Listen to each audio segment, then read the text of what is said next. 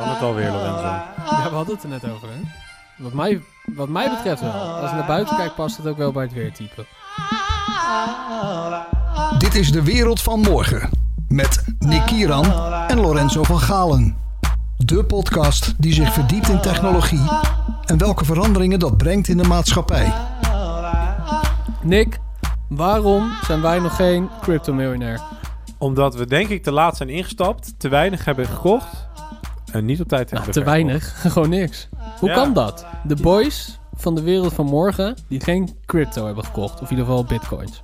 Ja, goede vraag. Ik denk dat het toch te maken heeft dat je bent in je hoofd misschien altijd wel een beetje aan de voorkant van de markt. Maar op het moment dat het op geld aankomt, hè, dus je echte geld, je zuur verdiende je, je centen, hè, je, je duiten, dan ben je ineens wel wat conformistischer. Dan ben je toch wat ouderwetser. Dan denk je, ja, weet je, Ja. ben er toch een beetje bang voor.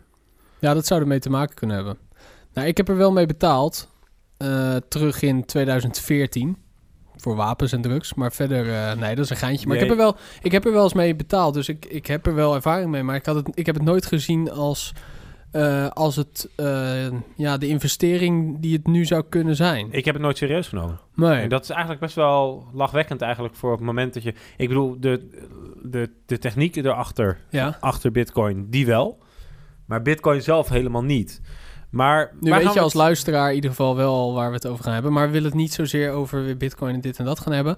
Want wij zijn niet de experts op het gebied van bitcoin. We weten er inmiddels wel wat van. Want eh, ik ben er nu denk ik sinds vorig jaar... Nou, we zitten nu september 2017. Sinds november 2016. no- November 2000, eh, december 2016. Een je beetje mee aan het bezig verdiepen? in aan het verdiepen en gewoon meer eh, erover aan het leren. En ook eh, wat er allemaal gebeurt in de, met de altcoins. En nou, daar gaan we het vandaag Nou, dus over Je hebben. knalt tegelijk een heleboel jargon doorheen. Ja, klopt. We gaan het vandaag hebben over bitcoins, over blockchain, over ICO's, ja. dat, Ja, dat soort alles. termen. En over eh, maatregelen van bijvoorbeeld eh, de Chinese overheid. Of JP Morgan. Ja, de directeur daarvan. Maar daar komen we zo op. Ja, weet ik- want ik, ik ben, eh, om, klein, om even te beginnen met eh, waar ik mee wil beginnen, is ik ben een jaar of twee, drie geleden naar De Verleiders geweest. Dat is een theatergroep. Oké. Eh, en die hebben een stuk dat heet Door de Bank genomen. Oké. En die lieten zien dat het stelsel van geld niet meer kan. En zij zeiden, vroeger ging je naar de bank en dan zei je, ik wil 100 euro. En dan zeiden ze, oké, prima. En dan stond die 100 euro ten opzichte van destijds van de goudprijs. eh, dan stond er bijvoorbeeld een blok goud als onderpad. Ja. Dus als jij voor een huis eh, naar de bank gaat van een paar ton... dan moeten er dus daadwerkelijk drie blokken goud van jouw kluis naar een andere kluis. Want jij koopt een huis. Nou, volgens mij was het zo, gewoon als jij... Vroeger was een bank. Er kwam iemand met 100 euro. Zeg, hou, hou, doe deze in jullie kluis. En pas erop. En als iemand anders kwam vragen voor 100 euro... Of gulden. ligt eraan wanneer dat was. Dan kreeg jij die 100 gulden van die meneer die het eigenlijk in de bank wilde hebben. En zo ging dat. Maar uiteindelijk, toen de computers kwamen... eh, werd, werd die 100 gulden of 100 euro... werd, werd natuurlijk virtueel. gewoon virtueel. En dat werd een cijfer die de Ja, bankier want als jij, als jij nu een, eh, apothe- apotheek, een hypotheek wil, Ja. Eh, dan... eh, Misschien voor je Voor je apotheek, apotheek, kan, ja. bijvoorbeeld, ja. dan, maar dan wordt er gewoon ingetypt en dan staat er... eh, dat, er, nou, Lorenzo van Galen samen met vriendin lief Ja. verdienen X, willen Y, kan dat? Nou ja, dan is er gewoon een computersysteem die zegt ja of nee. Daar heb je die mensen achter de balie bij spreken al niet meer voor nodig. Eh, en vervolgens, eh, nou oké, prima. Eh, hier heb je... Hier heb je je geld. Heb je 2,5 ton om dat huis te kopen bijvoorbeeld, hè? Ik Zeg maar wat. Ja, Ja, en dan, en dan heb je gewoon 2,5 ton ineens. Of dan, dan kun je een huis kopen. Maar dat, dat, geld, dat geld is natuurlijk niet echt... Als jij het uit de muur wil halen, dan denk ik dat het lastig wordt. ja, nee, dat kan niet. Want dat geld is er vaak niet. Of in ieder geval, zeker dat als, niet. als jij het wil doen, misschien lukt het nog net. Maar als, als, er, als alle mensen die... Iedereen die een apotheek...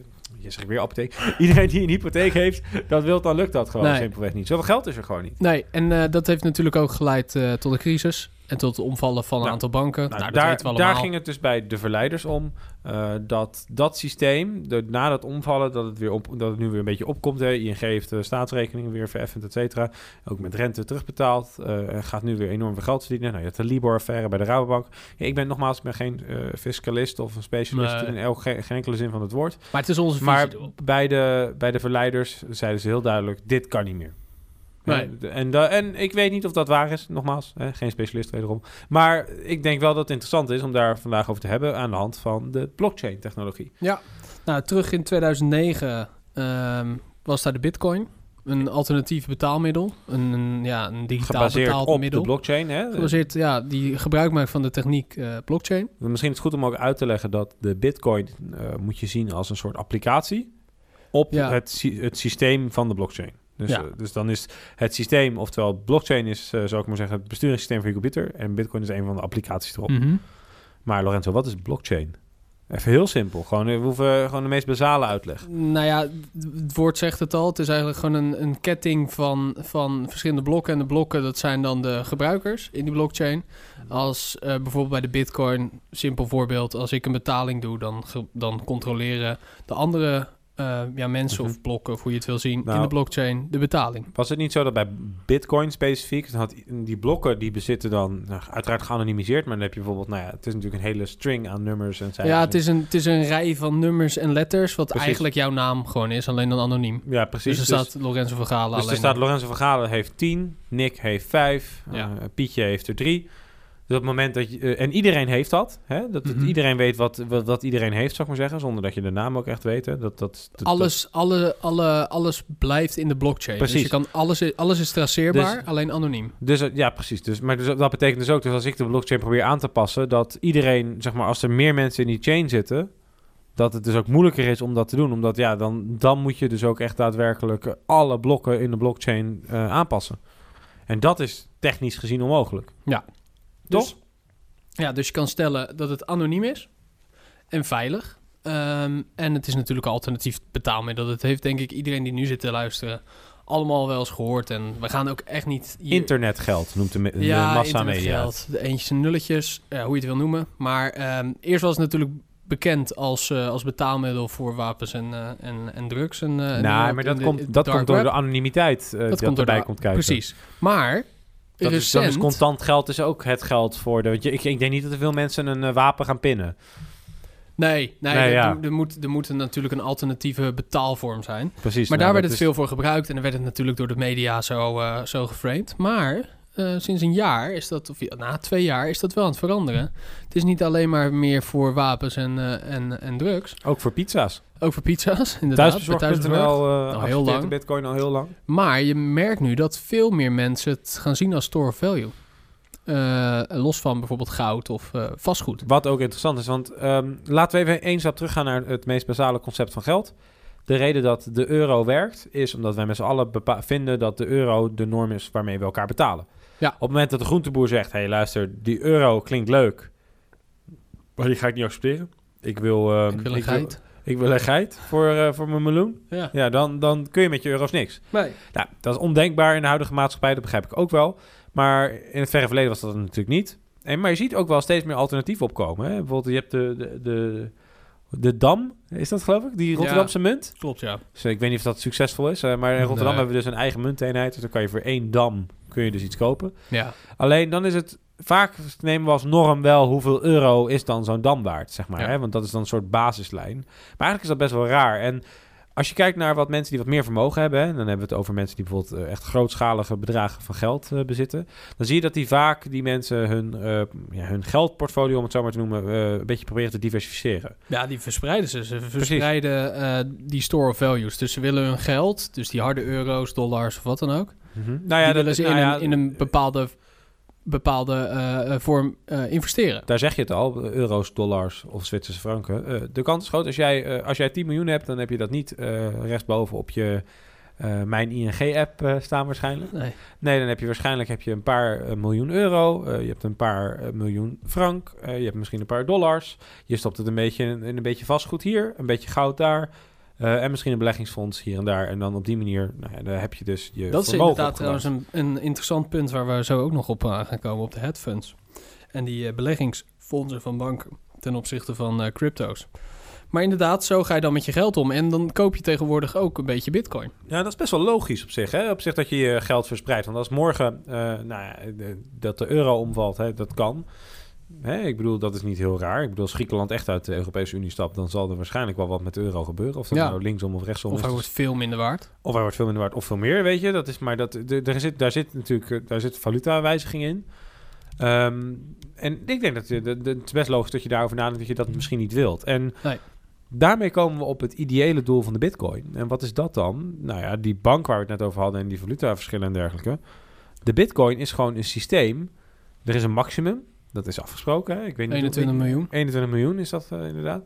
21 miljoen bitcoins. Precies, dus de, zoveel bitcoin is er. Dus dat bepaalt ook gelijk de waarde van de bitcoin. Hè? Ja. Ik bedoel, dan kan je ook indenken van... Nou ja, als dat nooit inflatie, deflatie, dat, dat, dat is daarmee dus een Ze voorspelt dat in 2040 de laatste wordt gemined, geloof ik. Ergens Mm. rond, die, rond die tijd. En Leg nog duurt- even uit, wat is minen? Mm, Ja, dat, wat ik no- nogmaals, het- alle technische dingen. Of, Eh, eh, er, staan, er staan hele Reddits, eh, Reddit fora vol mee.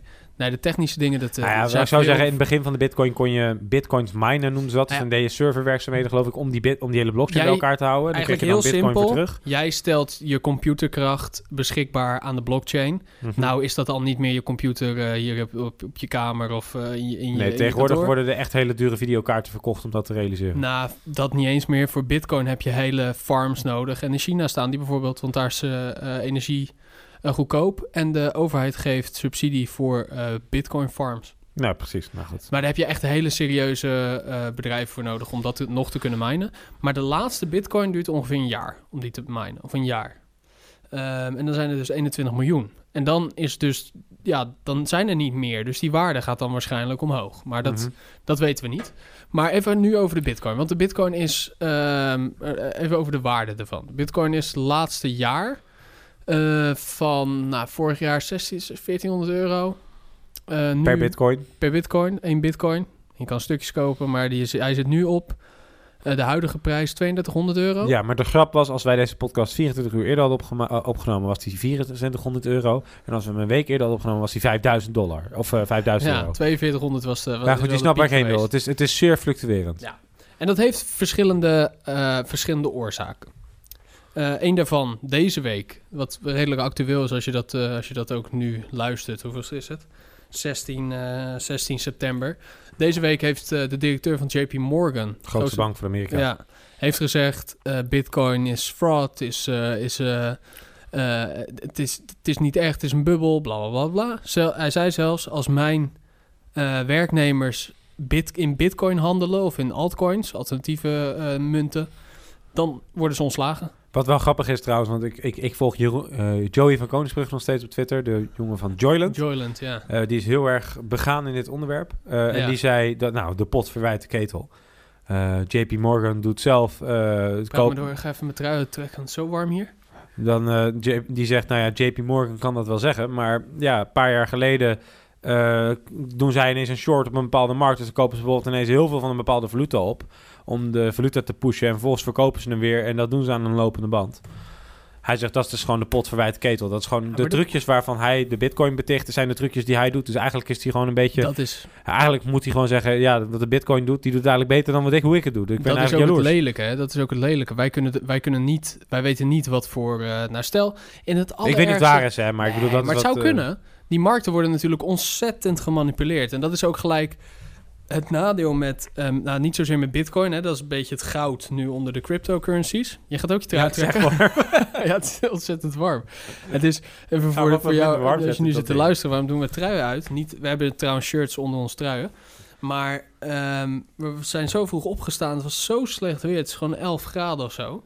Vandaar ook dat we graag Ja, kerst, toen kwamen we in de eh, studio, toen had ik hem op plus 3 graden gezet. Dat was niet heel Dus slim. we smoren nu weg. Maar eh, dat is ook het lelijke gelijk met, eh, met cryptocurrencies. Is dat er nu, er zijn volgens mij iets meer dan duizend eh, verschillende coins. En daar komen we zo even op, op de initial coin offerings. Bitcoin is daarin wel goud. Daarna komt Ethereum, wat trouwens zilver. open source is. Dus daar kan je op bouwen. En dat, dat is blockchain niet. En Litecoin is nu een beetje... Nee, nee, dat is bitcoin niet. Eh, nee, eh, sorry, Bitcoin ja, is... nee, eh, nee, want het is, het is heel moeilijk om door al die namen, bitcoin, blablabla, het nog Ethereum, te- het Ethereum-netwerk, daar, daar kan je zelf op bouwen. Dat is open source. Bitcoin is dat niet. Mhm. En daarna komt Litecoin. Dat is eigenlijk een beetje brons. En de reden om dat te doen is, wat we al zeiden, je hebt die blokjes die elkaar controleren, is de, de blockchain werkt voornamelijk goed op het moment dat je niemand in de chain kan vertrouwen. Ja. En dat klinkt misschien heel stom, maar dat betekent dus dat op het moment dat je dat weet van elkaar, dan ga je dus continu elkaar controleren. Dat zorgt ervoor dat iedereen zijn eigen controleur en gecontroleerd wordt. Mhm. Dus, uh, om even te, de blockchain te karakteriseren... dat betekent dus dat bijvoorbeeld in het geval van een bank... dat je die niet meer nodig hebt. Ja. Hè? Dat, is, dat is heel mooi, want jij regelt zelf... Jij regelt zelf dat er geld... Jij, jij bent de beheerder van je kluis... Jij bent degene die de, de, de, de transacties, de sleutel de transacties regelt. Maar tegelijkertijd ben je ook de, uh, ja, de, de, degene die ook ervoor moet zorgen dat.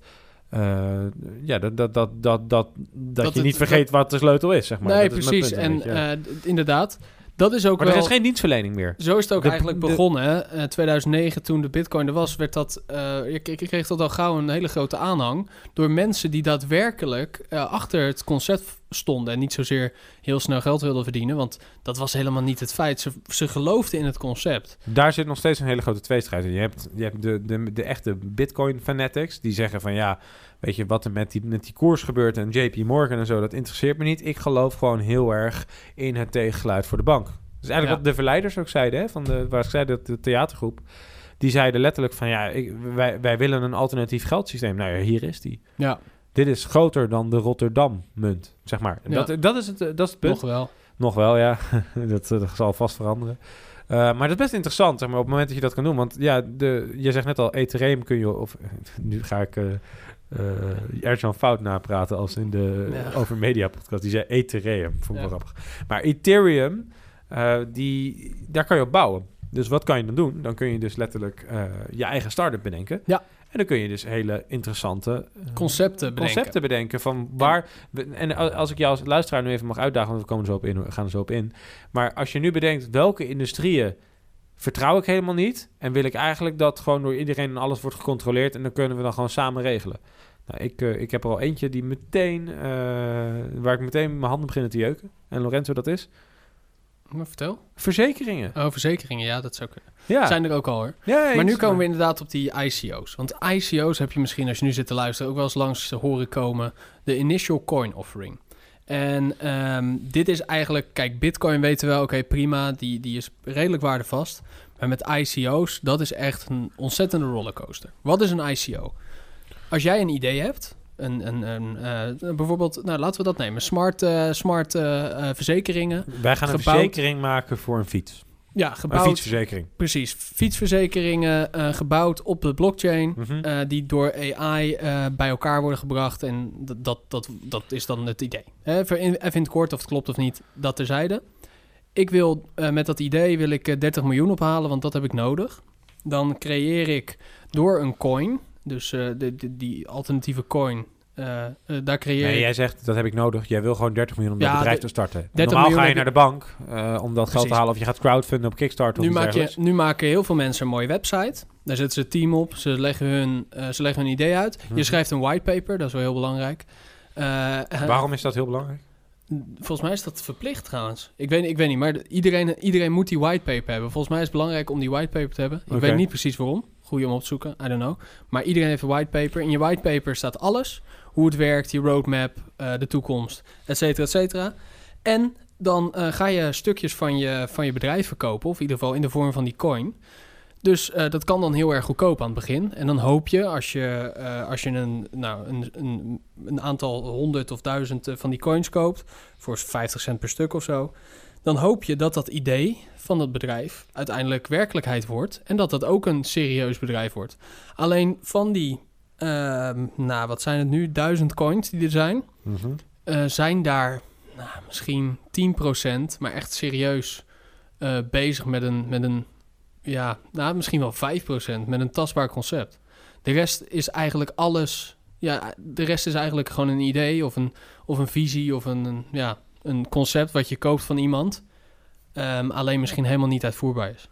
En dat nee, is het lelijk. Maar, dan, maar dat, dan, is het toch net zoiets als dat je aandelen kocht vroeger in een bedrijf. Gewoon dat is, gebeurt er nog steeds. Ah, zo is het ook. Zo als ik nu, kijk bijvoorbeeld, eh, stel, zo is Jordan Belfort ja, maar, heel erg rijk geworden. Nou ja, laat even uh, de reden. Uh, we komen zo daar ook nog op terug op de Bitcoin, want dat is wel interessant, denk ik. Maar een aandeel is vaak de, de prijs van een aandeel is vaak gebaseerd op de winst van een organisatie en dan maal een aantal jaar, bij wijze van spreken. En dat is dan vaak en dan daar een percentage van is de prijs van een aandeel.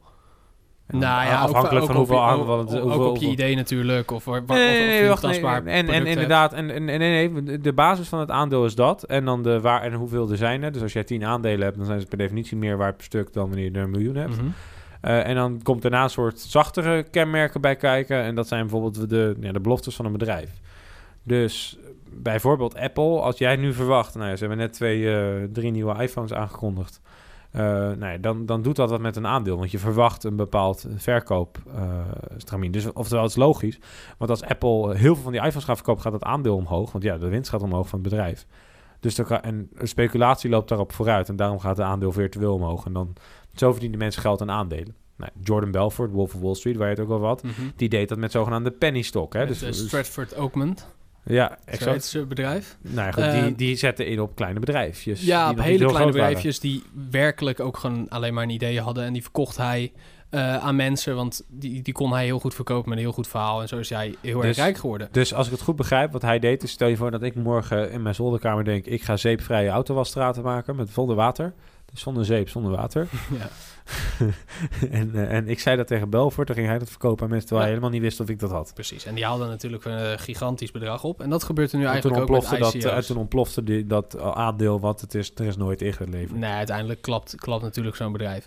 Maar zo is eh, Apple, eh, even over Apple gesproken, natuurlijk ook.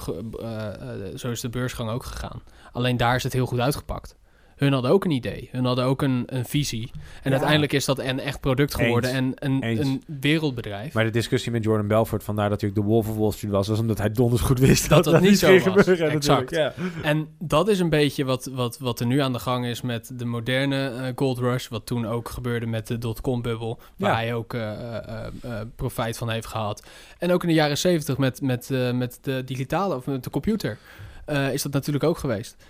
En dat is wat, er nu gebeurt met die ICO's. Ik denk dat 80, 90 procent van die ICO's eh, nooit kunnen werken. Ja, maar nooit kunnen werken. Dat zijn concepten die Ja. nergens op slaan. eh, en die, eh, die nooit gaan werken. En wat ook altijd een idee blijft. Alleen Ik mensen heb, kopen het wel. Ik heb net gevon- eh, trouwens je gevonden, wat je vroeg van nou ja, een ICO whitepaper. Mhm.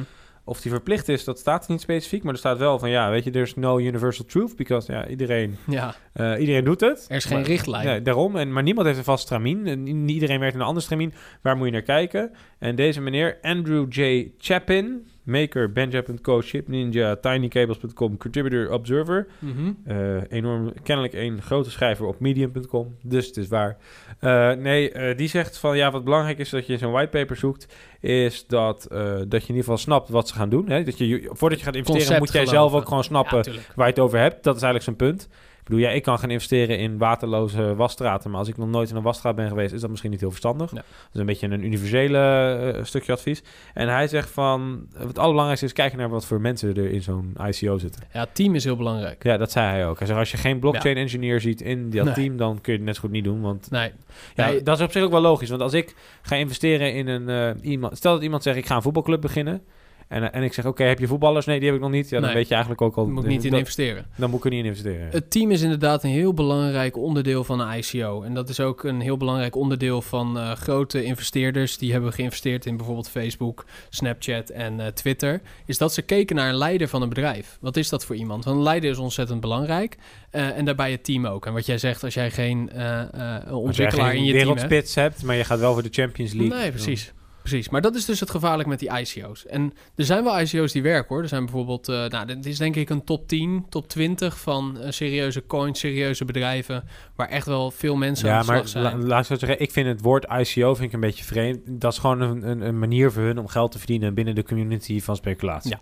Ja, het is puur speculeren. En dat is niet erg. Ik bedoel, als jij op die manier funding kan krijgen voor jouw bedrijf en je wordt daardoor succesvol, prima. Maar noem eens één zo'n ICO die het echt goed doet, die delivert. Het bedrijf. Dus niet de, de Ehm, waarde van je investering als, eh Een als recente, durfkapitalist. eh nou je hebt NIO.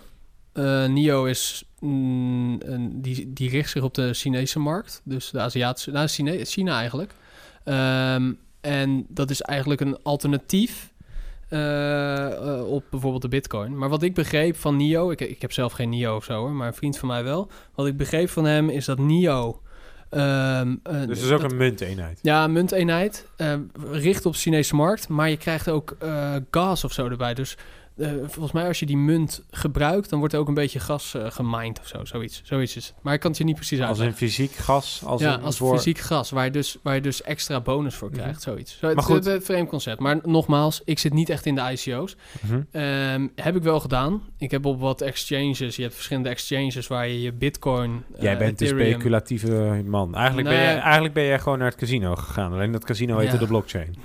Ja, het casino heet Bittrex in dit geval. Dat is, Ja. de, dat is de exchange. Maar ben je het met me eens dat ik het zo noem?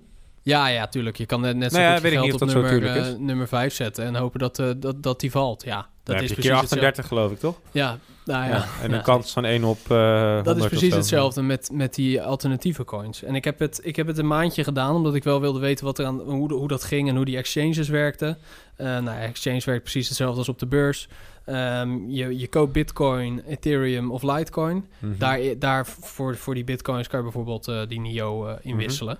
En dan ik zie je wel- gewoon een mooi grafiekje. Wat ik, wat ik wel grappig vind is dat we... Nou ja, ik, ik geloof jij van het NIO dat dat goed werkt en zo. Dat is het punt niet zo, niet zo echt. Maar ik bedoel meer van... We hebben het nu over de blockchain en we hebben bijna alleen maar over geld. Ja, nou ja, dat zijn... is dus kennelijk de beste toepassing ervoor. Ja, nog wel. Maar dat komt door Bitcoin, denk ik. Omdat dat zo'n mooi, eh, mooi voorbeeld is. Ehm, maar er zijn veel meer dingen eh, eh, mogelijk. Daar kwam ik ook op. Mhm. Ik heb dus in verschillende ICO's eh, verdiept. Ik heb nu niks meer in ICO's zitten, want dat heb ik allemaal weggedaan.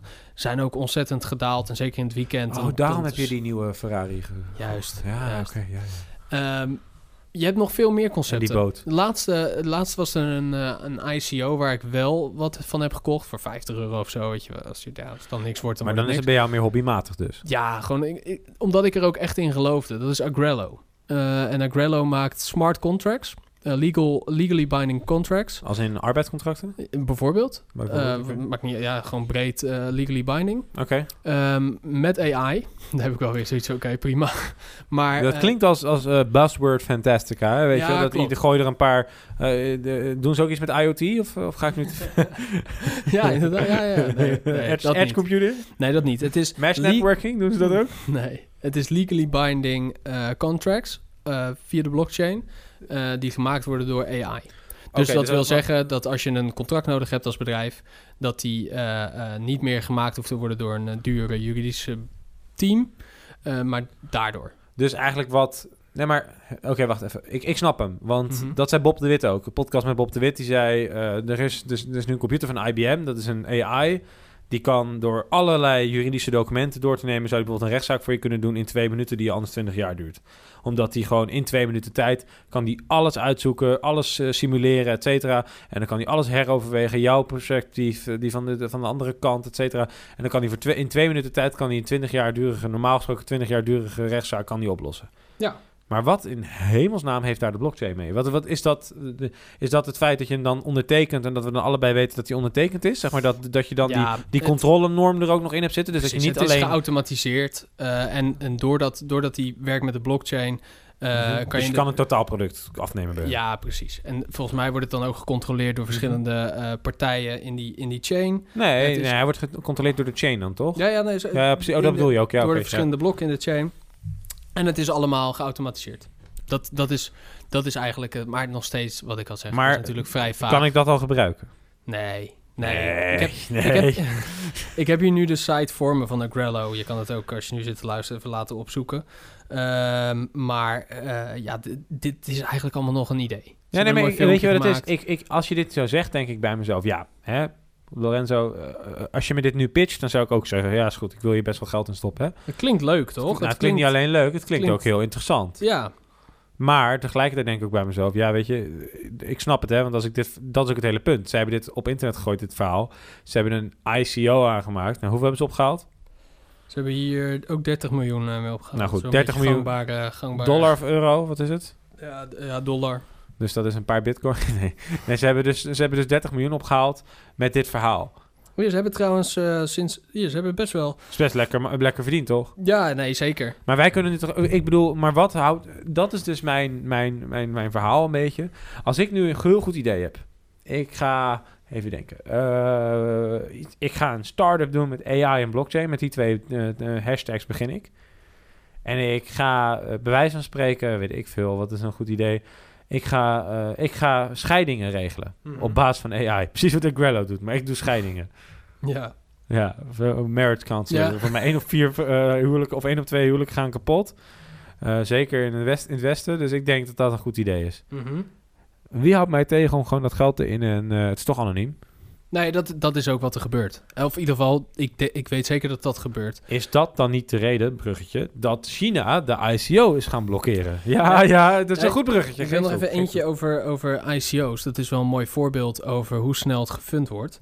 Ehm, want ik heb deze niet kunnen funden en hier stond ik echt achter. Dat is Monita. Dat schrijf je E M-O-N-E-T-H-A. Ja. En dit is in twee minuten gefund voor 30 miljoen. Dat ook. zegt ook al genoeg over in de twee hypes. minuten. Over de hype. Wat doen ze?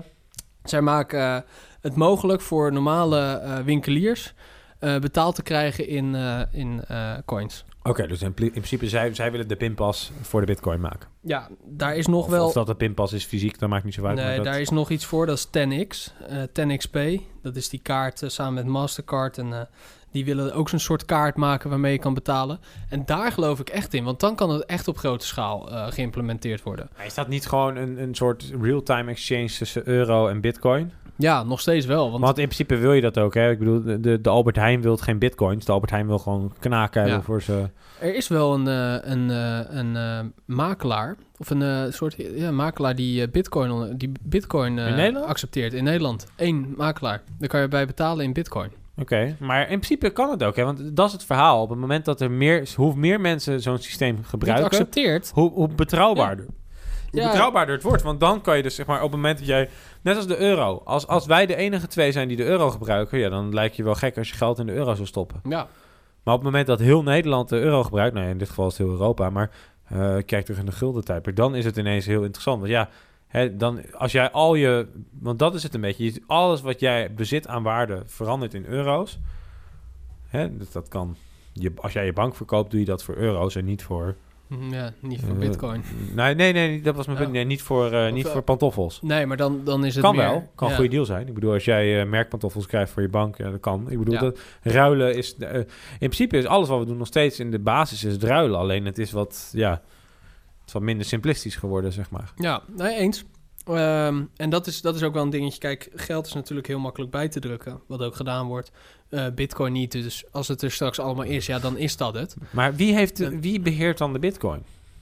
Ja, Satoshi Nakamoto, dat is de bedenker van, of in ieder geval de maker van de Bitcoin. Ja, Dat is natuurlijk ook een urban legend, want eh, Satoshi? Nakamoto eh, eh, zegt er niks mee te maken te hebben. Geen idee wat, wat Nou, Bitcoin is. Er is een man in Japan die zijn paspoort Ja, omhoog houden met die naam erin. Nou, dat is een Amerikaanse Japanner, een, een programmeur, maar hij zegt er niks mee te maken te hebben. Geen idee ook wat het is. En eh, ik heb een keer een documentaire gezien dat één eh, programmeur in Amerika, waar Sa- eh, Satoshi Nakamoto mee werkte en communiceerde via een forum, hij het laatste contact heeft gehad met Satoshi. En Satoshi heeft gezegd, het wordt mij te heet onder mijn voeten, dit, dit, dit wordt te, te gek, ik, dit is het laatste wat je van me hoort. En daarna is er niks meer. Maar hij heeft gewoon iemand anders zijn identiteit aangenomen om dit te maken. Ja, nou ja, dat, je- is, dat is gewoon altijd... Nee, maar ik bedoel, het fundament is wel een beetje creepy. Zeg maar. Maar het, het- waar ik naartoe wil, even voordat we naar China gaan, eh, wat Bitcoin doet is eigenlijk, het, het, het, het, het- het haalt fundamenteel de, best- de bestaansrechten van grote overheidsachtige clubs eh, weg. Hè, de Europese Unie beheert nu de euro, eh, dus die hebben per definitie altijd een bestaansrecht op het moment dat we daarmee Ja. betalen. Eh, op het moment dat wij met z'n allen bitcoin gaan gebruiken, betekent dat dat een stukje bestaansrecht ook gewoon wegvalt. Ja. Eh, en dat is waar mensen bang voor zijn. Daarom is, eh, en Ja. dat, daar is JP Morgan natuurlijk ook enorm bang Ja. voor. Want de, de bitcoin betekent letterlijk, we hebben geen bank meer nodig. En ik denk dan weer bij mezelf, ja, waar betaal ik de bank voor? Hè, Ja. ik, ik heb een ING-rekening, nou mag ik weten. Dat is, Oh, nou. nou ja, nou ja Nou, dus elke, keer als ik, is, elke keer als ik langs dat grote gebouw loop, dan vraag hè, wat de bank heet, en er staat dan een naampje op of dat Rabobank, ING, ABN. nou, neem als voorbeeld even die ING-bank. Die hebt dus inderdaad die kantoren. en Ja, je hebt wat en doen die mensen daar? I don't know. Ja, eh, ze kijk, weet je, Ja. ze doen heus wel dingen. Dat is het, het is niet dat ik dat nu tegen wil gaan. Maar het feit dat er marketingbudgetten staan voor een nutsbedrijf... want ik vind een bank een beetje een nutsbedrijf. Ze doen Zelfs met de Kamer van Koophandel. Nog zo'n verhaal. Een heel ander verhaal, maar vraag me ook zou ook zo af, op wat, kunnen lossen met de blockchain. Maar wat, goed, wat, eh, doen we, wat doen we daar, dat gebouw, ja. weet je? Wat, wat- ja, ga even, ga je gang. Ja, dat vind ik nog een andere discussie. Maar goed, die, die, dus die ING-bank, daar betaal je dus... Nou, wat betaal je aan de ING voor een betaalrekening? Ik denk 5 euro per kwartaal of zoiets in Ja, zoiets. Dus niet heel veel geld, eh, zeg maar, als je erover nadenkt. Maar goed, ze beheren ook je geld, dus ze pakken daar rente op. Je krijgt geen rente op je spaarrekening. Hè? Dus bedoel- verdienen aan jouw geld, dus... Dus ja. ik bedoel, ja, nou ja, goed. het, het, is, het, is, maar het is allemaal super onderzichtig. We, we begrijpen al... Het feit dat we al niet begrijpen wat hun bestaansrecht is... zegt eigenlijk al genoeg. Ik denk dat heel weinig mensen echt begrijpen wat een bank doet. Ik, ik weet het ook niet precies.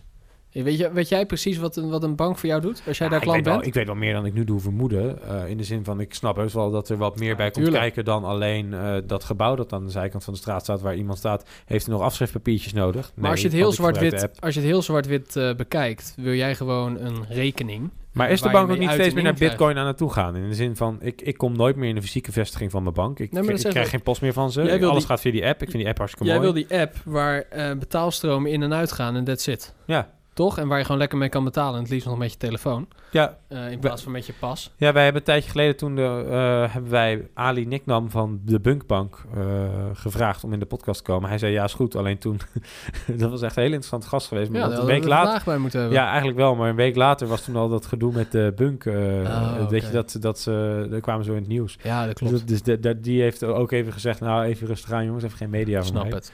Hey, maar... Wat ik niet begrijp, want wij zijn natuurlijk, wij zijn een podcast, we zijn niet de media. Nee, dat is waar.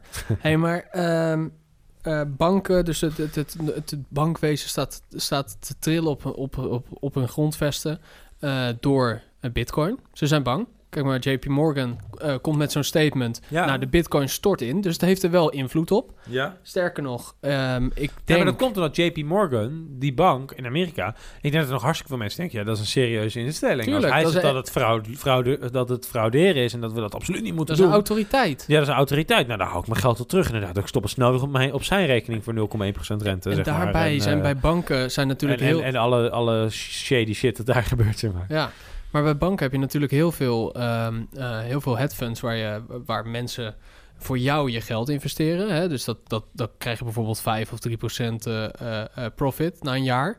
Hartstikke dat leuk. Dat is een beleggingsfonds bedoel je? Beleggingsfonds, ja. ja. Um, dat is hartstikke leuk. Hè? Dat zijn, dat zijn nou ja, dat noemen ze dan safe investments. Of in ieder geval, daar krijg je elk jaar wel wat van terug. Ja, precies. Maar je ziet dat nu uh, ook veel geïnvesteerd wordt in bitcoin. Dus inderdaad, waar we het aan het begin over hadden. Als je wat geld hebt, koop je ook wat bitcoin erbij. Ja, maar, dat heb is wel logisch. Maar, we hebben net een half uur over gehad. Op Nee. zijn minst waarom we het zo'n geweldige techniek vinden. De Ja. blockchain dan, hè? Dus de bitcoin ook. Maar ik denk dat die mensen die dat hebben gedaan... Die zijn ook hun geld, geld weer eruit hebben getrokken. En daarvoor zie je nu een, een daling van Jij denkt dat, bij die, 1200 dat die mensen heel veel geld beheren... en dat JP Morgan hun hebben aangespoord. Ja, ik Dus denk niet zozeer de individuen zoals Nee, eh, dat jij en ik, ik maar de, de, de, de de wat grotere investeerders die Ja, dan op een gegeven moment zeggen, we trekken er even wat uit. Maar komt dat ook niet, ga ik weer de brug maken, door China, de blokkade Nou, op Dat ICO's? is een hele goede brug. Ja. Ehm, Ja, de inderdaad. tweede keer al, hè? moet je nagaan. Dit is wel heel eng. eh, wat China heeft gedaan. Ze hebben een voorlopig, wel een voorlopig eh, verbod op ICO's. En er hangt natuurlijk een verbod op cryptocurrencies al geheel in de lucht. Bij China dan. Eh, bij China. Nou, ook bij andere overheden. En dat is waar ik een beetje mijn hart voor vasthoud. Is dat niet dat ik, waar ik mee net zei, dat ik zei van, eh, voor, sorry dat ik je interrupeer, maar is dat niet dat ik zei van, ja, de, het bestaansrecht van de Europese Unie is bijvoorbeeld die euro. Op het moment dat die dreigt weg te vallen, dan verdwijnt het bestaansrecht. Ja. Maar Nou ja. denk je dat, dat eh, zit ik daar een beetje goed met wat je wilde zeggen? Eh, ook? Ja, nee, waar ik mijn hart een beetje voor vasthoud... is dat China niet een voorbeeld gaat zijn voor andere landen. Zoals de VS bijvoorbeeld. Eh, waarbij ze een, een wet of een, een, verbod eh, creëren op, eh, op crypto of op, op altcoins. Ik weet niet of het kan. Ik ook niet, ja, China is natuurlijk een hele andere politieke, politieke rechtsstaat. Hè? Ik bedoel, daar hebben ze ook daar geen heb je ook geen Facebook internet. en, nee, en geen ja, internet. precies. Ja, same WeChat is, is het internet voor point. Ja. Maar goed, ik vind het wel eng. Mhm. Ehm, want dat betekent dus ehm, ja, dat daar niet meer eh, eh, geïnvesteerd wordt in, in ICO's. Dat is misschien ook wel goed, want de Chinezen gebruikten het als, eh, als gokmiddel. Dus daar was het echt letterlijk gokken.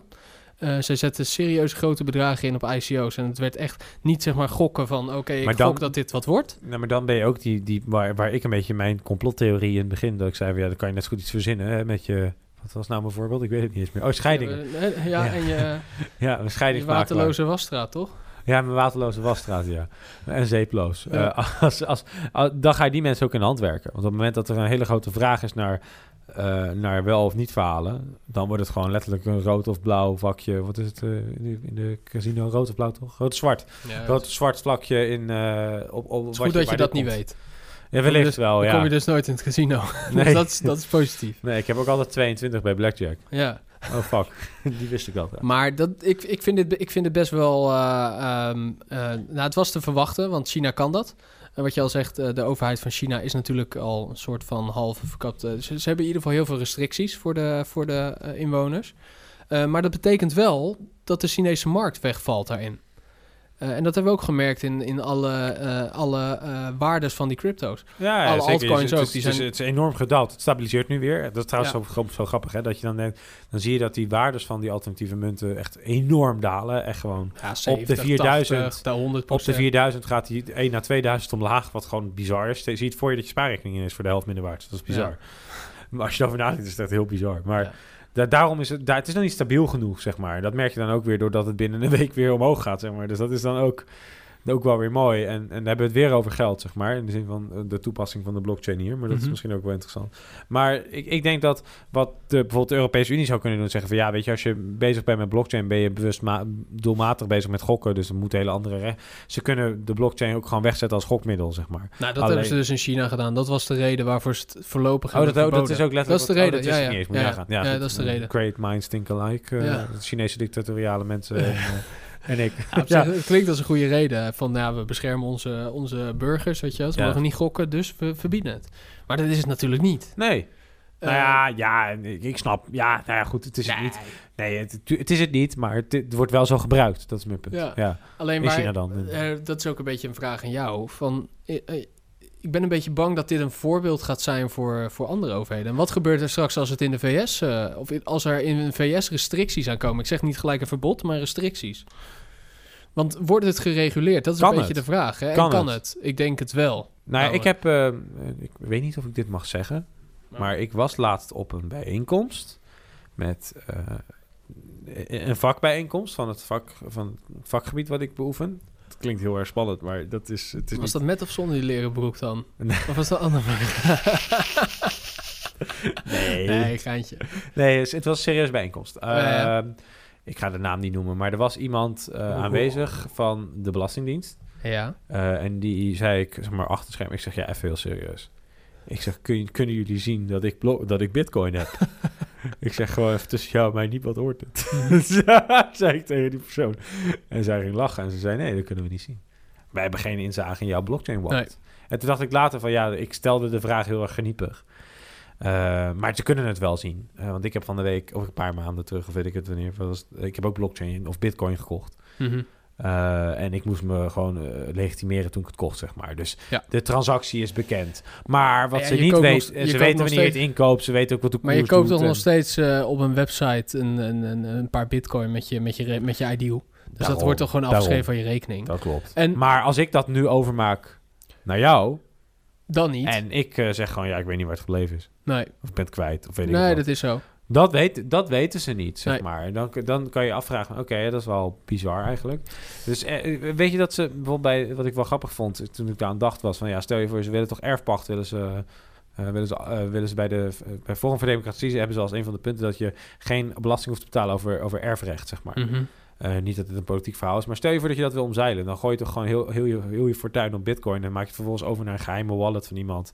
En vervolgens kan die persoon kan dus met een geheime creditcard weg, dat Agrello of wat was het, Monita, wat jij het over had, eh, gewoon pinnen op straat en dan komt de Belastingdienst daar kennelijk nooit achter. Ik, ik Ja. snap wat ik nu zeg, dat dat, dat, dat, dat, dat niet mag. Hè? Ik bedoel, dat is mijn punt ook niet. Maar dan denk ik bij mezelf, dat is best wel voor een belastingdienstachtige club is dat natuurlijk heel erg gevaarlijk. En dat is ook om jouw vraag te beantwoorden van ben ik bang dat dit in een land als Nederland ook kan gebeuren? Ja, ik denk dat dat wel de angst is. Want op het moment dat wij meer naar zo'n bitcoin variant gaan en dat er minder controle is vanuit de Belastingdienst en zij dus minder zekerheid hebben op het geld dat ze krijgen, betaalt het dus ook minder zekerheid voor onze maatschappij om vooruit te gaan. En minder zekerheid voor onze maatschappij om vooruit te gaan betekent dus ook dat het hele zorgstelsel in het geding is wat vanuit publiek geld komt. Dat de straten die worden betegeld vanuit publiek geld dat dat in het geding komt. De veiligheid, hè, want de politie wordt ook gewoon betaald vanuit de pot. Dus ik kan me heel goed voorstellen dat als je op het moment dat de bitcoin niet gereguleerd kan worden, wat de, het mooie is van het systeem wat we net zeiden, Mhm. is dat ook meteen, kijk, onze huidige maatschappij is opgebouwd eh, vanuit de bouwstenen dat dat wel kan. Het is ook gelijk de grootste angst. Nee, maar even los vanuit, Van, vanuit eh, de angst vanuit de overheid. Als wij kijken naar onze welvaart in Nederland hier... en die gebouwd is op de bouwstenen die we hebben... en die bouwstenen halen we weg... doordat we allemaal bitcoin gaan gebruiken. Wat zijn die bouwstenen dan? Nou ja, dat we weten bijvoorbeeld dat iedereen de helft van zijn salaris... Nee, iedereen, je snapt waar ik heen wil... dat iedereen een heel Het- groot gedeelte van zijn salaris het belasting overmaakt. betalen. Ja, die betalen belasting. Ja, ja. Dat is wat mijn punt inderdaad. Mhm, Ik, ja. ik breng, het lijkt wel of ik het heel populistisch Ja, wilde brengen... maar dat was mijn punt Gewoon je niet. belasting betalen. Ja, de mensen betalen belasting. Dat wat ook niet erg is. Ik bedoel, dat is ook... Dat, nee, dat, dat, dat als je wordt belasting moet betalen, heb je ook verdiend, toch? Ik bedoel, Ja, dat is, een- dat is de, de, bekende, de bekende uitspraak. Maar dat is ook zo. Ik bedoel, het is zo? logisch dat als we belasting betalen... dat we daar ook iets voor terugkrijgen. En wat we daarvoor terugkrijgen... is het feit dat als ik nu naar buiten loop... dat ik ook echt op tegels loop, zeg ja, maar. en als En dat- jij je uitgeleid op die tegels, omdat het hartstikke nat is, dat je ook naar een dokter kan. Ja, en als ik vervolgens onderweg word bestolen... dat er ook een politieagent me staat te helpen. Exact. Oké, die komen nooit. Maar, nee, nee, geen gekheid. Maar, Nou, nee, maar, eh, eh, nee, maar dat is gekheid. Maar je snapt waar ik heen wil. Dus ik bedoel, dat, dat, is, dat is er ook. Dus ik snap dat ook wel. Maar dezelfde persoon zei trouwens ook wel... Ja, maar stel dat jij een miljoen op blockchain hebt staan... of op je bitcoin hebt staan...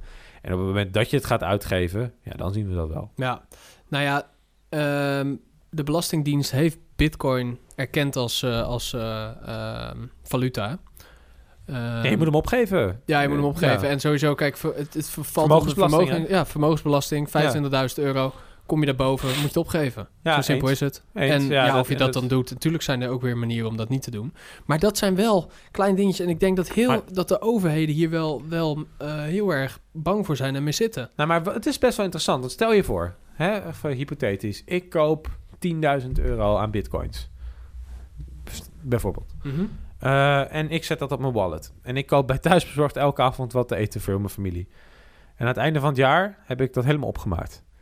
De Belastingdienst weet niet of dat zo is. Maar lekker gegeten dan. Ja, dan ben je ook wel een stuk dikker geworden, denk ik, als je thuisbezorgd uitgeeft allemaal. Maar Dat is ook gezonde keuzes tegenwoordig. mm, ja, ja goed. Hè, dat, is, eh, dat is de vraag. Maar eh, wat je bestelt, nee, maar je snapt waar ik heen wil. Dus, dus die controlenorm, ik snap hem wel. Ik zeg niet dat ik hem goedkeur. Hè? Ik bedoel, ik ben niet iemand... Ik ben heel erg voor het liberale, voor het vrijheid van de mensen. Maar prima. Maar ik snap ook heel goed waar de angst vandaan komt. ja. ja, ik geloof ontzettend in het, eh, in het, i- het geld, het internet van geld. En dat is bitcoin. Eh, daar geloof ik ontzettend in. En daar ben ik echt een voorstander, voorstander van. Maar ook in achtname met wat ik net allemaal zei. Zeg maar, dat, dat- je... ik Nou ja, zo zeggen, daar kom vind, ik nu vind, op. je niet, vind je niet dat er een, eh, een, een, een overheidscontrole moet, er moet kunnen zijn? Althans, een, een zekerheid van belasting betalen, zeg maar? Daar kom ik nu op. Als we daar een echte economie eh, op willen laten draaien, eh, zal daar ook een stukje eh, overheid in mee moeten spelen. Ehm, en, en, en dat kan belasting zijn of dat kan eh, een bepaalde eh, andere regulering zijn. I don't know. Maar dat moet. Dat kan niet anders. We kun, anders ga je je eigen economie creëren. En dat kan. Alleen die blijft wel klein. Of een Ja. alternatieve economie, wat je al creëert met zo'n alternatief betaalmiddel. Ehm, alleen al die factoren die jij net opnoemt, die daarvan betaald worden, ja, die, die heb je dan niet. Of die, die, dat kan wel, maar je, hebt dan toch altijd, je zit dan toch altijd in twee economieën. Snap je een beetje wat ik bedoel? Ja, ja, ik snap Ja, het. dat, dat kan je, tuurlijk, stel je hebt die 10.000 euro aan bitcoin. Daar kan je mee betalen. Dat doe jij in jouw bubbel waar je daarmee kan betalen en in dat, eh, op internet. Maar je zal toch ook nog een beetje belasting moeten betalen en een, een uitkering moeten krijgen of iets, weet je. Je moet wel iets, iets verdienen op papier of iets binnenkrijgen en ook Mhm. eh, daar belasting van betalen. Ehm, dus je leeft dan altijd in... Je, dat is een beetje, een beetje waar ik naar zoek. Die scheidingslijn daartussen, kan dat? Of het verweven daarvan, die twee verschillende economieën. Kan het? Ja. Ik denk het wel. Ik bedoel, ja, ik bedoel, als het maar genoeg, genoeg verdeeld is, denk ik. Hè? Ik bedoel, want nu is de economie van de euro ook anders dan die van de dollar, Mhm. zeg maar. Ik bedoel, prima. Ik denk alleen dat het probleem hem echt in, in, in inzicht zit. En het lijkt nu net alsof ik aan het pleiten ben voor eh, overheidsbemoeienis met geld of zo. Maar ik denk echt, en ik herhaal mezelf een beetje, ik denk echt dat dat, dat, dat het, hetgeen is waarom China zo angstig is. Ja, ja ehm, ik geloof nogmaals heel erg in bijvoorbeeld de bitcoin. Of een, ja, ik denk de bitcoin sowieso al de grootste. ik, ik of een alternatieve eh, Ethereum. Laat ik, nee, ik, ik, laat ik zo zeggen, ik wil niet zeggen dat ik geloof in de bitcoin. Dat, dat, dat heb jij al gezegd namelijk. Ik ben natuurlijk heel origineel. Ik geloof in de blockchain. Ik geloof echt in de, theo- in de Ja. theorie achter de blockchain. Dus dat eh, in plaats van dat je één entiteit hebt die dat allemaal voor je regelt, waarom zou ik de ING-bank vertrouwen? Ik bedoel, Ja. hè, net als, waarom zou ik JP Morgan vertrouwen? Hè? Want dat, Mhm. die hebben een flinke uitspraak gedaan. Ik vertrouw veel liever een heel systeem die continu elkaar op basis van gewoon slimme, slimme techniek elkaar controleert. Ja. Vind ik, vind, heb ik een veel beter gevoel bij dan een, dan een, een bedrijf met een winstoogkenmerk. Maar om toch even te kijken naar, eh, naar de wereld van morgen en eh, blockchain en bitcoin en noem maar op. Ik heb is zo'n goed Denk idee. ik dat we een volgende economische crisis nodig hebben om de blockchain en internet van geld ehm, echt op grote schaal te kunnen gaan adopteren. Ja, want... Stel- eh, nou, maar jij, jij bedoelt meer van het, het, vanuit vertrouwensoogpunt, of bedoel je het Nee, meer... gewoon, gewoon qua vertrouwensoogpunt. Zoals en, bijvoorbeeld vorige opname. keer, zoals vorige keer, die was eh, met de Rabobank, met de Libor-affaire, met de ING-bank die Ja. failliet ging. Bijvoorbeeld. Als dat nog een keer gebeurt, denk je dat de blockchain enorm... eh, Ja, stel de dollar klapt. Dan stijgt de bitcoin. Dat wordt, dat wordt, stel, je kan niet meer met dollar eh, betalen. De dollar is bijna niks meer waard. Nou, wat, Hyperinflatie zou ook kunnen, hè? bijvoorbeeld, wat, nou, wat, wordt er dan meer, wat is dan de, het volgende betaalmiddel? Ja, dat, Dat is een beetje... De, de, de, de bitcoin-economie ligt echt op de loer. Maar daarvoor moet het, het bestaande establishment... Dus alle de oude banken, dit en dat, bla, bla, dat moet klappen. Maar is dat ook niet gebeurd in... eh, ja, maar het is zo moeilijk. Het is echt heel moeilijk. Want stel je voor... Ik, eh, bijvoorbeeld als je kijkt naar Colombia. Hè, die hadden, nou, weet ik veel, de Colombiaanse munt. Ik weet niet hoe die heet. Eh, er waren een aantal... Het verschil tussen... Ja, Nee, ik vast. weet het niet. Goeie gok. Op ik- zoek. Coca, denk ik. de Coca. nee, maar die hadden... Volgens mij was het, eh, volgens mij was het, eh, was het eh, Colombia. Maar het maakt even niet uit of het Colombia was of Ecuador of Bolivia of weet ik het wat. Maar er was een hele grote kloof tussen arm en rijk. Hè? Dat, dat klinkt ook wel bekend in de oren als je op dat soort landen komen. Maar dat was hyperinflatie. Dus multimiljonairs waren ineens straatarm.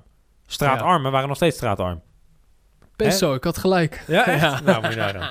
Maar, maar goed, dat, dat, dat is best, best wel bizar dat dat kan gebeuren. Ja.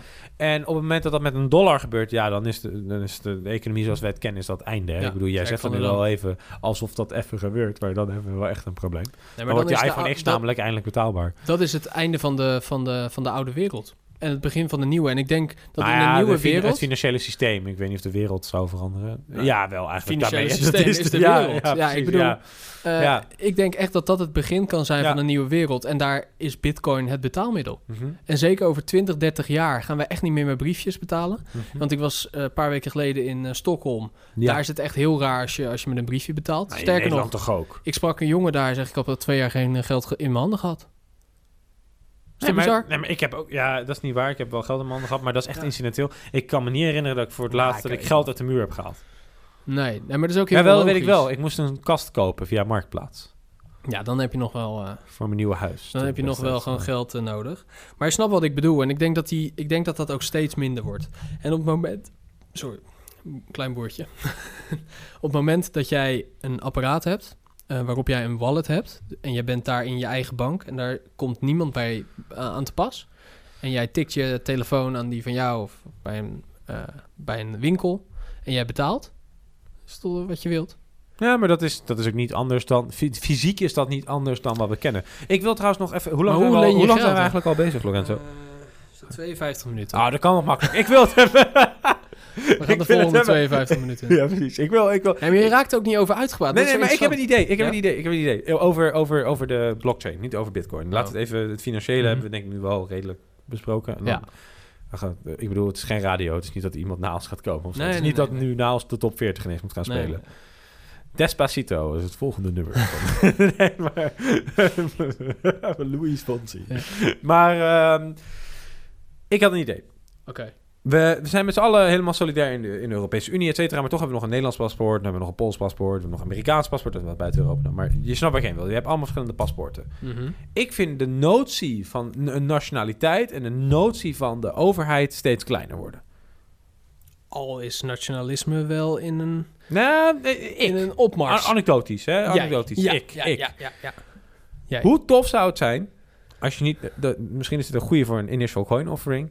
Luister maar dat, goed. Let dat, op. je- dat je een, ehm, een, niet een paspoort hebt, maar dat je gekoppeld bent in de blockchain, in een, Mhm. in een wereldwijde blockchain. En dat ik dus altijd kan verifiëren dat ik ik ben. Dus dat de blockchain-technologie wordt gebruikt om mijn identiteit te waarborgen. En dat is dan niet een Nederlands paspoort, dat is geen Amerikaans paspoort. Nee, dat is een e-paspoort. Oftewel, dat is wereldwijd toegankelijk. En dat zal op een gegeven moment ook dat er vliegtuigmaatschappijen zijn die zeggen: Ik wil, ik vind het prima. Als jij met je e-paspoort wil vliegen, ik vind dat betrouwbaarder dan het Nederlands paspoort dat je kan vervalsen doordat iemand achter in het computersysteempje van het gemeentehuis je naam in kan toetsen. Ik weet niet of dat kan, maar stel hè, dat het kan. Zullen vast landen zijn waar dat makkelijker gaat dan in Nederland.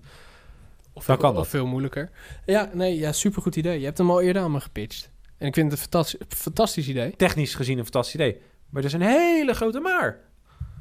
Gaat, de, de, Dat kan dat niet. je echt dat de Tweede Kamer gaat zeggen, ja, is goed. Nee, dat kan Nick, niet. ja, je mag wonen hoor, in Rotterdam met je e-paspoort. Nee, natuurlijk niet. Die zeggen gewoon, je moet een verblijfsvergunning type 1 tot en met 4 of een Europees paspoort of een Nederlands paspoort. Maar is dat ook niet weer die nieuwe wereld waar we, waar we, waar ik net, waar, wat ik net bedoel?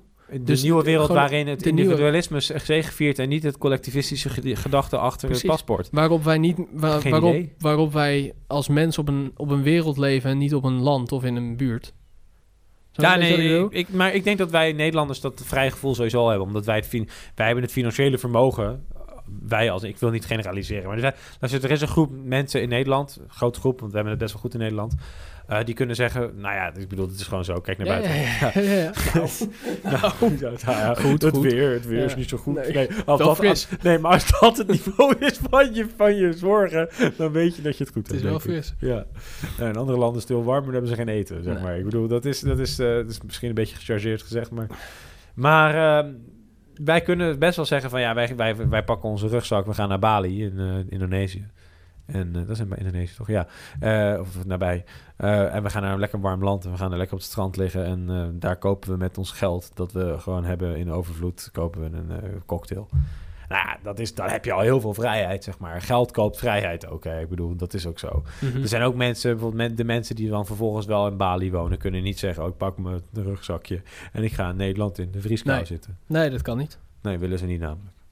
Nou, waar ik heel nog even over die Dat nieuwe wereld. Eh, ook te maken met, met waar we het over hebben, niet alleen maar over de algemeen nieuwe wereld. Maar waar ik heel erg in geloof, is dat als we straks goede artif- artificiële intelligentie hebben, dat er één geautomatiseerde overheid is, waar geen mensen meer aan te pas hoeven te komen, of alleen maar een controlerende rol, die alles voor ons regelt. Nee, Eh, controlerende rol juist niet. Je wil juist niet een controlerende menselijke rol. Nou ja, die, zal, die zal er wel altijd blijven, denk ik. Maar goed, daar geloof ik in. Die alles regelt van die controleur heeft wel contracten. veel macht, zeg maar. Dat is mijn punt. Ja, dat wel. Maar goed, ga Eh, van contracten, eh, rechtspraak, eh, alles. Nou ja, ik, ik, ik, ook. Maar dat is de, de reden dat En daar de kan blok- blockchain daar- heel erg... de reden dat blockchain daar interessant voor is, omdat blockchain het controlemiddel is, dus dat het legitiem gebeurt. Want dat is ook wat in de, in de Bitcoin is. Hè. We hebben allemaal de lijst met accounts, zeg maar, met wat erop staat, en die controleren continu aan elkaar. Mhm. Net zoals dat als ik zeg dat uitspraak A waar is en jij kon en de hele chain controleert dat, dat jij het niet kan, ja, kan mengen, zeg maar. Dus dat is best. Kijk, ik ben geen blockchain-expert. Ik bedoel, dat Nee, eh, begonnen we ook mee. Zeker niet. Zeker niet. Ik, ik, ik zou wel heel graag meer willen weten over de blockchain. Dus als jij nu een luisteraar bent eh, en jij zegt: Ik weet daar nog veel meer over. Jullie hebben een fundamenteel punt gemist in deze discussie. Eh, Of, of ik wil met jullie eh, die start-up beginnen, de I, eh, de, scheidingsmakelaar die een eh, waterloos wa- of een eh, waterloze wassen. Dat is ook ja. een goeie. Ja, ja, precies die. Nee, maar eh, met watervrij en zeepvrij, hè? Ja. Wel allebei. Ik bedoel, anders eh, gaat het niet half Nee, doen. maar. eh, nee, maar als jij... Laat het ons weten. Nee, maar nee, serieus. Weet je, al- als een mailtje is, dan willen we dat zeker ook nog op terugkomen. Wij zijn niet eh, heel trots dat we zeggen, nou, we, we weten het zo goed en dit is het nee, verhaal. Nee, dit is een podcast waarin Maar- we graag ideeën eh, spuien. We hebben ook een derde microfoon. Ja, daar Dus kijk je nu naar en die is leeg. Ja, die is leeg. Dus als je bij de Belastingdienst werkt en je bent directeur daarvan toevallig en je denkt, nou, ik wil je aanschrijven, dat mag ook. Ja, Ik weet dat je directeur luistert. van de Bunkbank. Ja, Ali, ik weet dat jij ook luistert. Dat is trouwens echt waar. ja, oké, nou, Dus, eh, dus ik, ik, eh, bij deze ook nogmaals het verzoek, ik ga graag met je in gesprek. Weet je, en dat is ook gewoon precies wat we moeten doen. Maar dat is ook wat we willen doen. interessante aan dit onderwerp. Je raakt er niet over Het is uitgepraat. nieuw. Het is super nieuw, terwijl het, eh, nou ja, nu sinds 2009 er is. Maar als je bekijkt hoe kort het internet er is, 20 jaar dat we internet gebruiken. Ja, maar er is, nog, er is nog niet eens een, academische, een academisch veld die naar het internet kijkt als in het geheel. Dit is nog niet eens volwassen. Terwijl dat er wel is bijvoorbeeld bij biologie. Ja, nee, inderdaad. Het, het, het, het, het onderzoeksveld web science is echt super klein.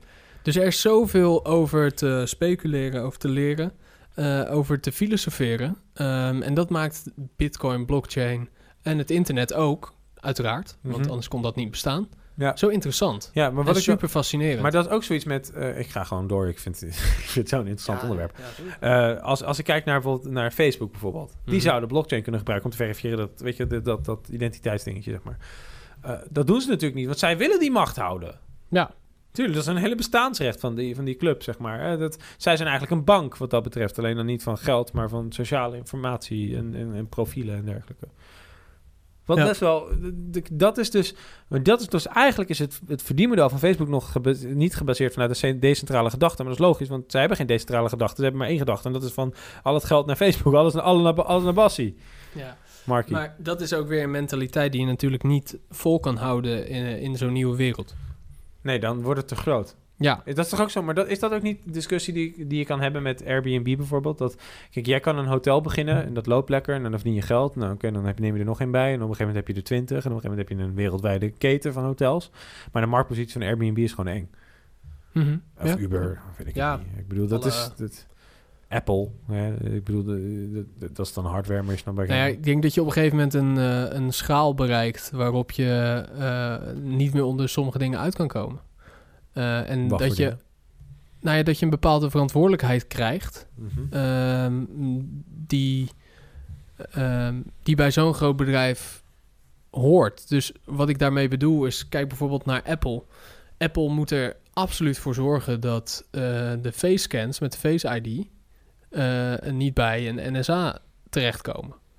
Daar moet, je, daar moet je als bedrijf voor zorgen. Of de vingerafdrukken. Of de vingerafdrukken, zoiets. Weet je, dat, dat, je hebt die verantwoordelijkheid omdat je zo groot bent en zoveel impact hebt. En eh, hetzelfde met Facebook ook.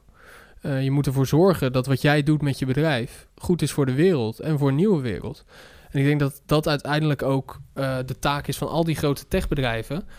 Zij zijn de pilaren, zij zijn de fundering van die nieuwe wereld. Nou, je ziet het nu met WhatsApp, dat is iets heel anders hoor. Oh, Siri Hey, gaat Siri. aan. Ik wil ook meepraten. Wat, eh, wat wil je zeggen, Siri? Zou je bitcoin kopen? Dit niet. Hey, stuur niet met WhatsApp. Is het zo? Oh Siri, wat Siri? Ja, hij werkt lekker. Nou goed, ehm, dat was niet mijn punt. Nee. Mijn punt was, ehm, WhatsApp die is nu bezig met het... eh, hij gaat niet weer aan, ik dacht even kijken. Nee, WhatsApp is nu bezig om bedrijfsaccounts te maken. Dus dat je zeker weet dat je met een bedrijf praat. Dus stel dat jij de Mediamarkt bent en ik ben Coolblue... en nou, links de le- lege microfoon van een klant... dan weet hij ook echt dat hij zeker weet met jou met de Mediamarkt praat... en Ah, zeker top. weten met mij als Coolblue. En dat, is, dat, is, dat zijn wel stappen waarvan jij ook zegt... ja, je hebt een noodzaak om dat te doen. Want je kan... Nu was het zo dat je gewoon als bedrijf een 06-nummer kocht... een simkaartje bij Ja. een van die twee winkels die we net noemden... En je gaf een stagiair En die je, en je eh, gaf telefoon. stagiair die telefoon en je zei als mensen... En dan op een gegeven moment werd dat dan geïnstationaliseerd in een, in een systeem. Maar het was nog steeds gewoon een 06-nummer Ja. die... eh, Nou, dat zijn inderdaad die stappen die je moet nemen als, als groot bedrijf. En daardoor maak je je dienst beter, mhm. veiliger. Eh, en dat uiteindelijk ook je goed, groep groter die dat, eh, die dat gaat gebruiken. Mhm. Ehm, maar goed, we, we zijn een beetje afgedwaald. We zijn een beetje afgedwaald. We we hadden het over blockchain aan het Ja. begin van deze podcast. Ja, en precies. Ethereum, Bitcoin. Je merkt als je nu ook zit, eh, als je nu nog zit te luisteren, dat we er niet over uitgepraat raken. En dat als je een onderwerp aansnijdt, wat het dan ook is, of een, of een ICO of een, een idee of Wat, know. wat je zegt is waar, want we hadden op ook maar één aspect kunnen inzoomen en net zo lang verhaal kunnen houden. Daarom. En je, je raakt er niet over uitgepraat. En ik denk dat, dat, dat, dat de reden daarvoor is, is dat we gewoon niet weten wat ermee gaat Ja, gebeuren. Wat trouwens ook wel, wat we niet, net niet besproken hebben, maar wat ik gewoon wel weer erin wil gooien. Ja. Dus, eh, doordat je jezelf, je beheert je eigen portemonnee. Je moet, Bitcoin moet je een beetje zien als de portemonnee die in je broekzak zit. Als jij je huidige portemonnee uit je broekzak kwijtraakt, dan zit daar een pinpas in. En als je dan je pinpas kwijt bent, ja, dan vraag je een nieuwe pinpas aan, toch? Bij de Bitcoin moet je eigenlijk zeggen van, nou ja, weet je, ik heb een wallet. Maar op het moment dat jij de inloggegevens van je wallet kwijtraakt, wat gebeurt er dan, Lorenzo? Nou ja, dan, dan heb je echt een groot probleem. En dat is natuurlijk ook gebeurd. Voor heel veel mensen die ehm, nou, drie, vier jaar geleden een bitcoin hadden gekocht. Of voor 20 wat- cent, bij wijze van spreken. 20 cent, of een, inderdaad aan het begin. Nou, die hadden ergens een walletje. Ehm, en en die, zijn dat, die zijn dat kwijtgeraakt omdat ze hun wachtwoord niet meer hadden. En dat is, dat is de code tot jouw kluis. Zie je het voor je dat je nu geld. 10 bitcoin, dus vijf- 40.000 euro of iets dergelijks. Is gebeurd, is gebeurd. Ja, dat is, zal je vertellen. vervelend zijn. Van de 16 miljoen bitcoins die nu gemined zijn, dus die er in het netwerk, Ja, in de ja. blockchain zitten, zijn er 2 miljoen ontraceerbaar. Dat is JP Morgan, toch? Ja, dat was die, dat was die dump van JP Morgan van de week. Nee, maar 2 miljoen. Jij had nog een mooie theorie achter die... Oh, wacht. Die, die- eh, ik wilde, ik, dat is best wel raar. Ik dacht dat je dat had gezegd voor de podcast, maar dat zei je midden in de podcast. Wat dan? Dat, dat, die, dat de kans natuurlijk groot is dat zo'n JP Morgan dat gewoon zegt, omdat dan de bitcoin daalt en dat hij dan inkoopt en dat Ja. hij dan weet dat het weer stabiliseert en Nou dat hij dan heel snel geld verdient. Ik weet met die ICO's Want, dat... want mensen in de financiële sector zijn per definitie boeven. Zoals Ja. ik zit nu in Narcos. ik zit nu in Narcos. Ja, En, eh, en, en, die, en, die, en toen zei die vrouw, die moeder van, eh, van. Pablo Escobar. mooi voorbeeld. Ja, hij is drugsdealer. Toen zei de moeder van Pablo Escobar, ja, maar Pablo, waarom zet je je geld niet gewoon op de bank? En dan zegt de grootste drugsdealer uit de historie van de mensheid, nee, nee, nee, nee, nee, mama, bankiers zijn bandidos. hij deed zijn in- bandidos. Hij deed het in zijn Hij bank, hè, deed- toch onder Hij deed in zijn bank. Ja, dat is wel Dat grappig. stemmen, dat vond ik zo'n mooi shot. Omdat ik wist dat ik met jou vandaag over blockchain ging praten en Ja. over bitcoin. En dan, ik, ik ben, nou, ik, ben, ik loop keihard achter ook met Narcos. Ik had hem al lang moeten zien, maar ik zit nu in seizoen 1, aflevering 2 of zo. Oh, dan is hij Eh, nog leuk. Dan is hij... Ah, dank je.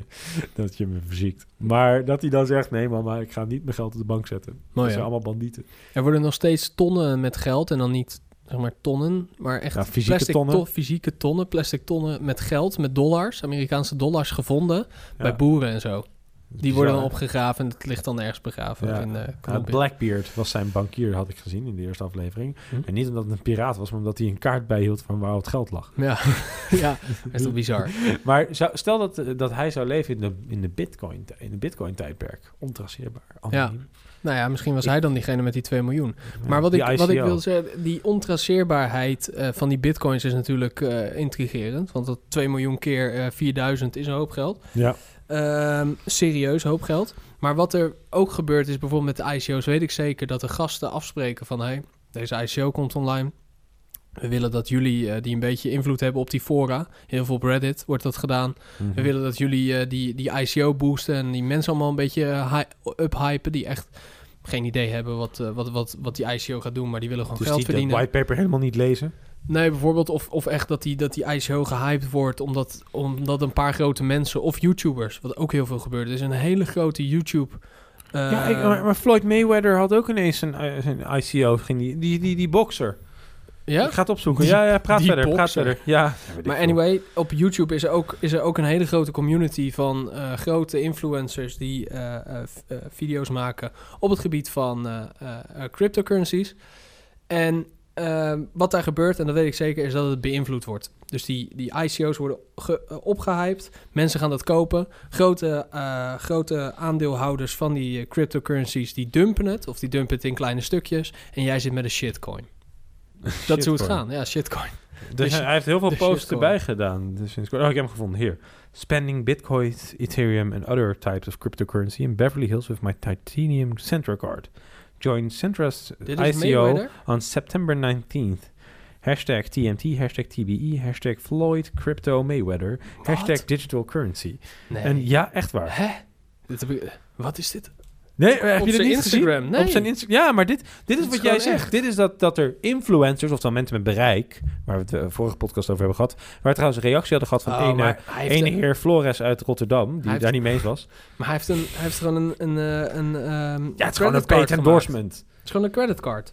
Ja, ja, nee, dit is gewoon een product dat hij, eh, gewoon een ICO-achtig product, zeg maar. Hij is dan even het gezicht, wat dat ophypen waar je het Het is over een had. creditcard die gelinkt staat Maar dit, je... ja, precies. Maar dit heeft wel 250.000 likes en misschien wel wat, Ja, netjes. wat, wat re- resultaat. 3000 reacties. Ik weet niet wat er in die reacties staat.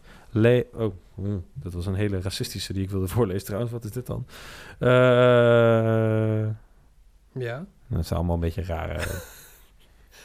Big money! lol, flip, Money Mayweather! eh, lol, flip, eh, flip, Floyd, crypto, mee, ja, weet ik het. Allemaal onzin. Maar eh, op, om terug te komen op de podcast van vorige week, als we dan toch bezig zijn, of van voor een paar weken terug over Mhm. influencers.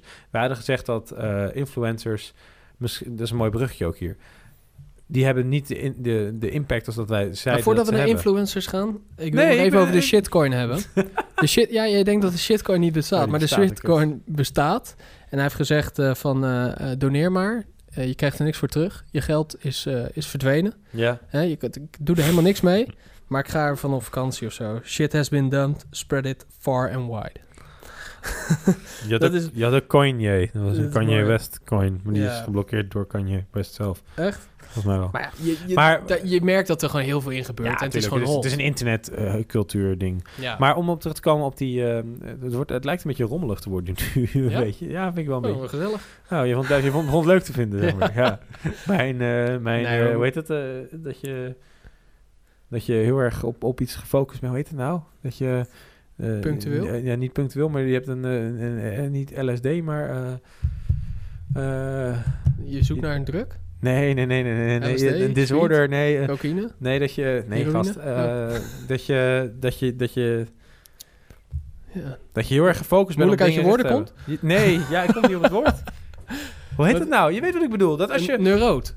Ja, neuroot, maar daar is een, eh, daar is een woord voor. Dat, dat, dat je... hebt ook- Narcist? nee, dat je van die... dat je van die... Van die eh, je, hebt van, je hebt van die... Van die momenten, zeg maar, dat je... krijgt een hele andere wending in deze, deze podcast. door jou vooral. Nee, ja, je hebt van die? Ja, nee, dat je... Dat je niet tegen kan dat dingen niet gebeuren zoals jij het wilt. maar. Dus je hebt ook van die filmpjes... Autisme? Ja, het zit een beetje tussen autisme en neurote. En Wat? Ja, je- Eh, je staat maar te kijken met zo'n glimlach. dat je het eigenlijk gewoon denkt van... Ik weet het, maar ik ga je gewoon vragen. Nee, ik weet het echt niet. Ja, Maar goed. dankjewel, hè. Eh, zullen we, eh, zullen nee, we naar het maar- einde gaan Nee, werken? ik wil nog even over die influencers praten. Oké. En eh, de heer Flores uit Rotterdam, die had daar een hele mooie opmerking van, Jonathan. Die had daar een hele mooie opmerking van, want die luistert natuurlijk steenvast naar onze podcast en terecht. Want ik bedoel, nee, hem was. Hij heeft, die, hij heeft die aandoening waar je net eh, naar aan het zoeken Nee. was, toch? nee, hij vindt het gewoon een goede podcast, Ja. denk ik. Hij is ook gefocust altijd Ja. op iets. Alleen, we weten niet hoe het heet. Nou, gast, ik kom er niet op. Hoe heet dat nou? Ik weet het ook echt niet wat je bedoelt. Ja, dat je, nee, dat je, dat je wilt dat alle pennen recht liggen en als er dan eentje andersom ligt, dan wil je dat niet, zeg maar. Dat is dan, dan dat, dat, daar word je dan gek van. Dus alles moet recht liggen. Oh, Ja, ik weet niet hoe het heet. Ja, het is een soort neurotische... eh, Ja. Nou goed, anyhow. Maar eh, over die influencers. Kijk, eh, wij zeiden vorige keer dat als jij heel veel likes haalt... betekent dat niet dat je heel veel succes haalt. En wat we daarmee bedoelden was dat sommige marketeers wel eens inzetten op influencer marketing. En dat ze... ehm, en misschien dat niet helemaal eruit kwam, maar dat, die, dat ze dan denken van ja, als ik een miljoen likes heb, dan betekent dat mijn campagne succesvol is. Net als dit met die Floyd Mayweather. Ik bedoel, die man die heeft nu een plaatje dat hij met een creditcard in zijn hand eh, een ICO staat te v- eh, Dwangneurose. Nee, nee. Dwangneurose. Ja, dat zal het ongetwijfeld zijn. Maar, Obsessieve compulsieve stoornis. Dat is wat je zocht, denk ik. ja, OCD, ja. OCD. Ja, Nou, ja, dat is precies het woord wat ik zoek. Maar goed, oké, hè. Dat is ook weer uit de lucht. Maar dat die man daar dan staat met een kaartje in zijn handen. Kijk, die 256.758 eh likes... die zijn er niet gekomen omdat eh, hij dat pasje ophield... en die zijn er niet gekomen omdat hij die, die kaart laat zien. Nee, mensen omdat denken... hij oh, dat, is, is. dat is Floyd Money Mayweather, of hoe die gast ook heet. 50 en 0. Nee, ja, nee, is dat zo? Die, die, die, die man die, die wil gewoon gepersonaliseerd worden met geld, kennelijk. Ik vind het ook wel mooi dat hij dat doet terwijl hij in een schoenenwinkel zit. Is even snel, denk ik. Misschien is het zijn kast. Die dacht ook bij zichzelf, ja, snel bijverdienen. Maar ehm, die, dat is gewoon, die 256.000 likes zijn er gewoon omdat ze Floyd Mayweather leuk vinden. Mhm. En ik denk niet dat, en dat mensen erom lachen en misschien houdt het ook wel mensen bezig. Is het een beetje branding dat erbij werkt. Maar het zijn niet 256.000 posit- po- potentiële leads voor de ICO hier. Nee.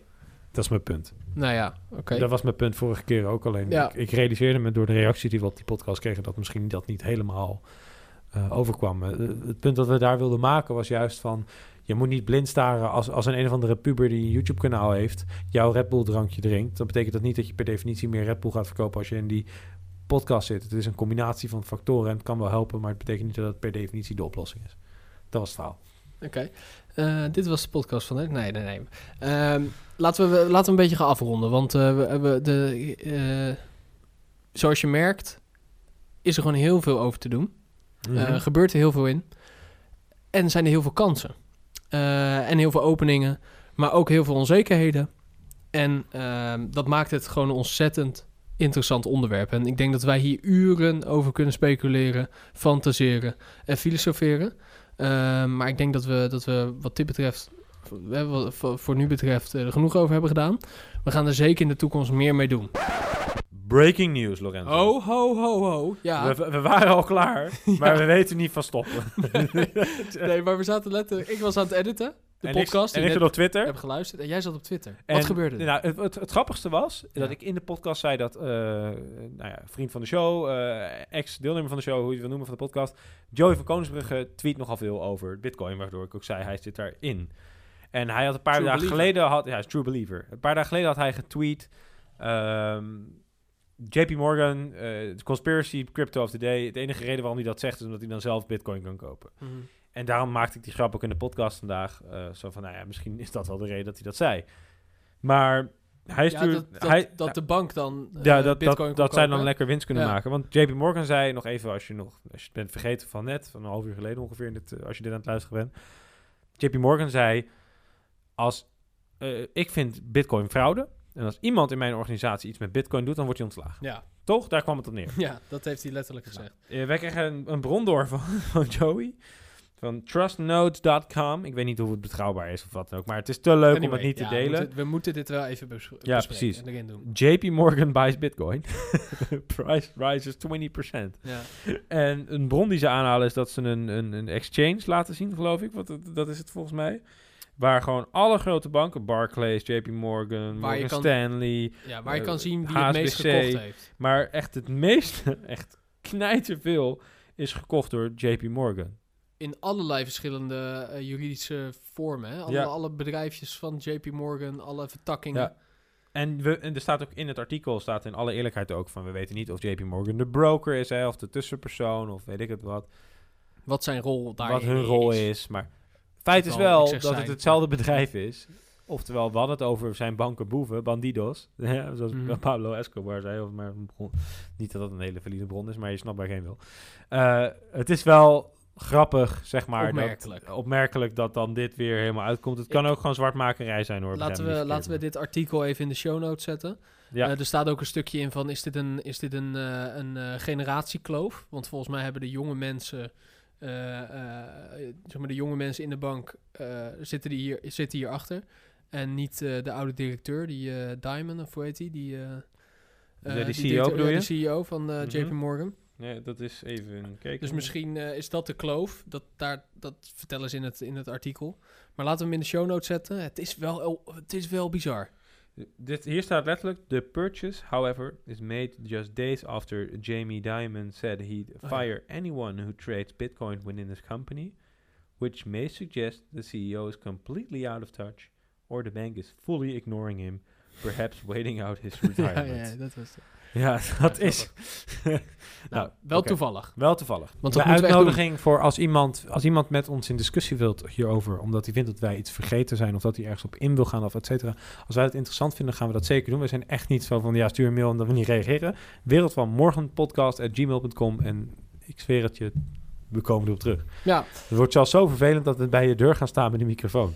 ja en... A la eh, nou. En, ehm, Met de razende reporter Lorenzo van Galen. ja. En eh, ja, het is gewoon super interessant. We willen er graag meer mee gaan doen. Want we- wat ik wilde zeggen, dit is de allereerste podcast die cryptocurrencies bevat of blockchain. Dat hebben we nog nooit. je? Ja, van ons. Dat hebben we nog nooit gedaan. Hoe?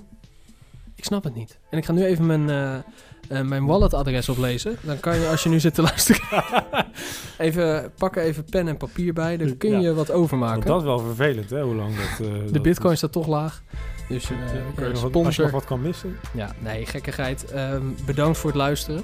Mocht ik ook niet meer zeggen van Nick, maar ik ga toch zeggen. Leuk dat je eh, weer zat te luisteren.